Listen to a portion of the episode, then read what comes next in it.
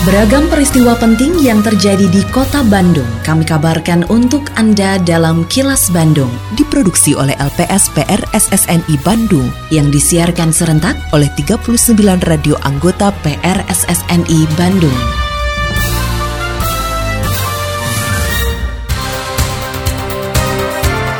Sejumlah informasi aktual kami hadirkan untuk Anda dan inilah informasi utamanya. Partisipasi pemilih dalam pemilu ditentukan juga oleh kualitas panitia pemilihan. Pendataan pemilih pemilu 2024 berbasis data administrasi kependudukan.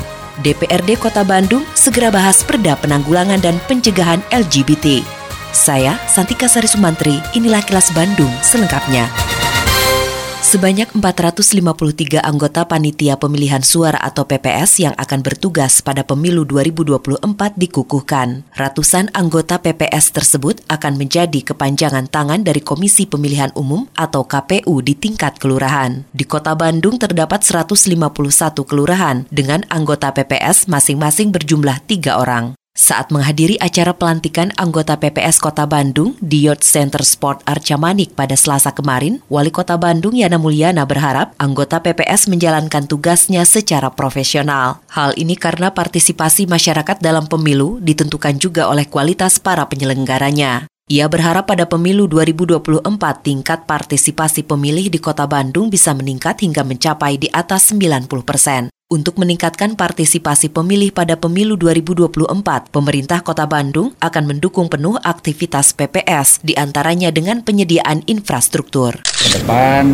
akan membuat proses demokrasi di Kota Bandung insya Allah semakin baik dari yang sudah baik saat ini tentunya ya. Karena bagaimanapun proses demokrasi itu akan baik apabila petugasnya juga berintegritas dan melaksanakan tugas dengan sebaik-baiknya. Insya Allah mudah-mudahan lagi pula kami juga berharap partisipasi pemilih juga bisa di atas 90 persen ya, meningkat dari 87 persen di pemilu yang lalu ya. Kami cukup yakin karena proses rekrutmen badan ad hocnya juga semakin baik ya.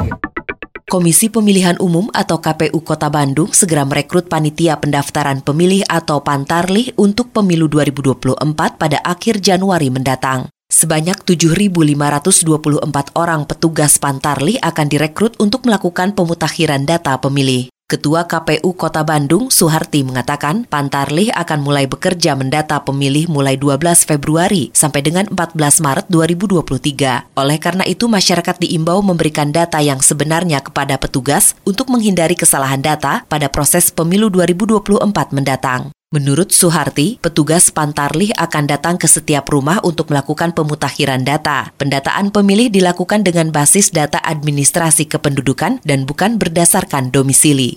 Dan yang terdekat adalah di tanggal 26 Januari besok sampai tanggal 30 Januari besok kita akan melakukan proses pendaftaran ataupun proses uh, rekrutmen untuk Pantarlih atau petugas pemutahiran data pemilih yang akan melakukan proses pendataan pemilih di masyarakat. Dan harapannya warga Kota Bandung siap eh, nggak e, perlu takut ketika didatangi oleh petugas kita untuk dicek datanya benar atau tidaknya data pemilih yang ada di data kita dengan data identitas kependudukan mereka. Karena untuk data pemilih ini berbasis de jure, jadi berdasarkan data kependudukan.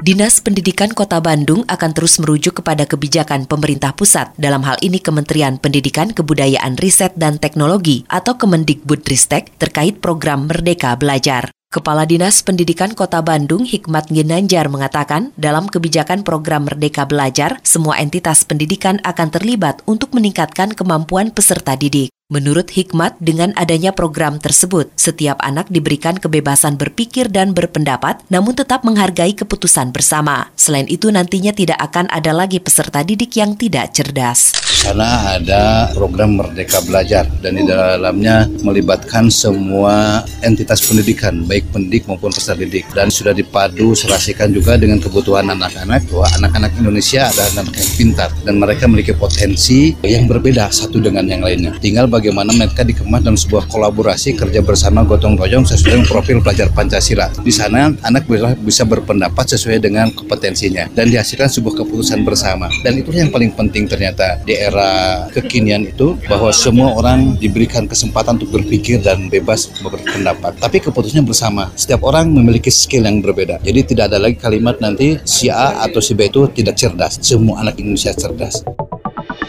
Suara Ketua DPRD Kota Bandung dan politisi PKS Teddy Rusmawan.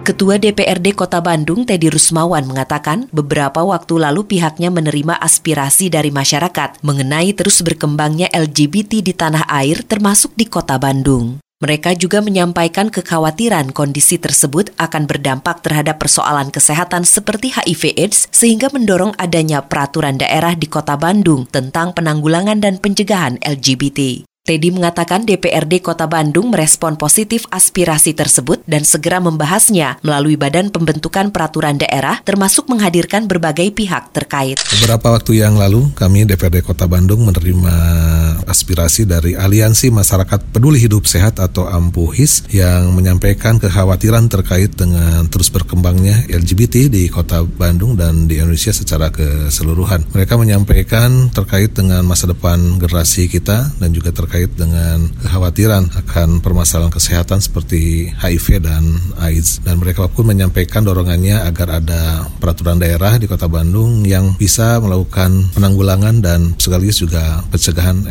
LGBT. Tentu kami DPRD Kota Bandung merespon positif hal tersebut dan kami akan komunikasikan tentunya di tingkat Perda Badan Pembentukan Peraturan Daerah DPRD Kota Bandung untuk dibahas lebih lanjut dan tentu mengundang berbagai pihak. Kini, audio podcast siaran Kilas Bandung dan berbagai informasi menarik lainnya bisa Anda akses di laman kilasbandungnews.com.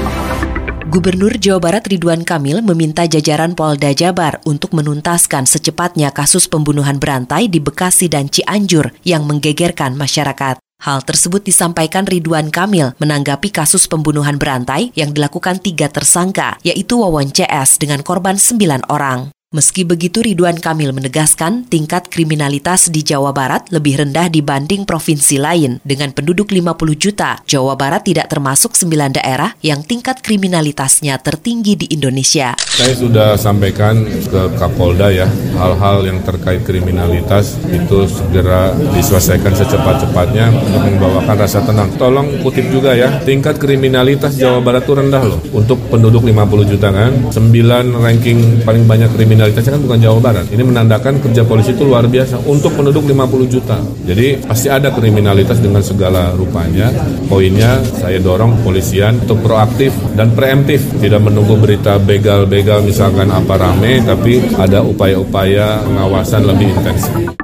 Ketua Karang Taruna Kota Bandung, Andri Gunawan, mendorong agar jajaran Polrestabes Bandung kembali mengaktifkan tim patroli untuk memberi rasa aman bagi warga Kota Bandung, terutama saat malam hari. Adanya petugas patroli akan membuat shock terapi kepada pelaku tindak kejahatan. Selain itu perlu adanya pembinaan terhadap pelaku kekerasan bermotor, apalagi saat ini pelakunya lebih mudah terlacak karena bisa diketahui dari plat nomor kendaraan yang digunakan. Menurutnya dengan pembinaan tersebut, pelaku kekerasan diberi peringatan jika berurusan dengan penegakan hukum. Andri mengaku mendapat informasi banyak perkumpulan anak-anak muda yang biasa nongkrong di suatu tempat tertentu untuk kemudian melakukan aksi konvoi di jalanan. Dalam aspek jangka pendek, saya kira yang harus kita lakukan perkuat kembali patroli. Yang kedua, yang melakukan kekerasan bermotor itu sekarang gampang. Terlacak plat nomornya, kelihatan plat nomornya, dikejar, diburu, dikumpulin mereka dan dikasih tahu. Anda melakukan hal seperti itu lagi, urusannya Anda masuk penjara. Ya kalau bisa ada lagi tim patroli yang memang sengaja patroli tiap malam. Minimal itu akan membuat shock terapi. Orang nggak terlalu berani macam-macam karena tahu bahwa ada petugas yang setiap malam itu jalan-jalan. Harapan kami semacam tim Prabu itu diaktifasi kembali. Jadi ada rasa aman kalau orang berkendara malam-malam karena tahu ada petugas yang keliling itu penting.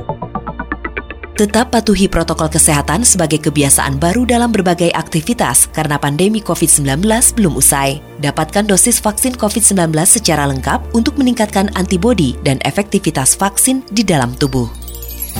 Terima kasih Anda telah menyimak kilas Bandung yang diproduksi oleh LPSPR SSNI Bandung.